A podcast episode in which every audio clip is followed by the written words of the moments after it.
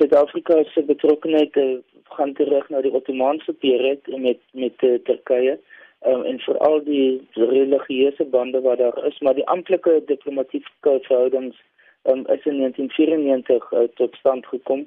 Sedertdien is hier nou 'n amptelike ambassade in Pretoria waar die Turke redelike sterk teenwoordigheid het. Een van die groot redes hoekom Turkye so 'n groot teenwoordigheid gehad het by hierdie expo, was omdat hulle bande met Suid-Afrika wil versterk en uitbrei in die toekoms. Hoe realisties is dit?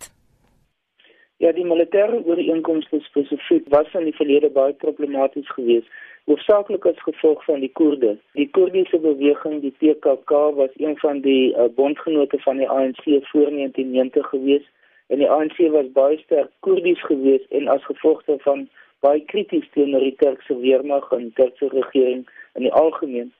Ehm um, as gevolg daarvan is die Turke op 'n swartlys geplaas deur die parlementêre komitee wat werk met uh, die verkoop van konvensionele wapens deur Denel en ander aanverskande lande dwars deur die wêreld. Um, gevolglik was daar geen werklike uh, interaksie op bande gewees tussen Suid-Afrika se militêre uh, wapenvervaardigers en die Turke nie. Maar dit het nou intussen verander. Ehm um, weer onlangs rondom 2013 se kant Daniel wou probeer om die Rooivalk gevegshelikopter aanvalshelikopter aan die Turke te verkoop. Hulle het uiteindelik te staan gekom teen die Italiaanse aanbod um, en dit het verloor hoofsaaklik as gevolg van die feit dat um, die Turke onder baie sterk druk van veral die Amerikaners is om net wapens vanuit die NAVO geleedere te koop.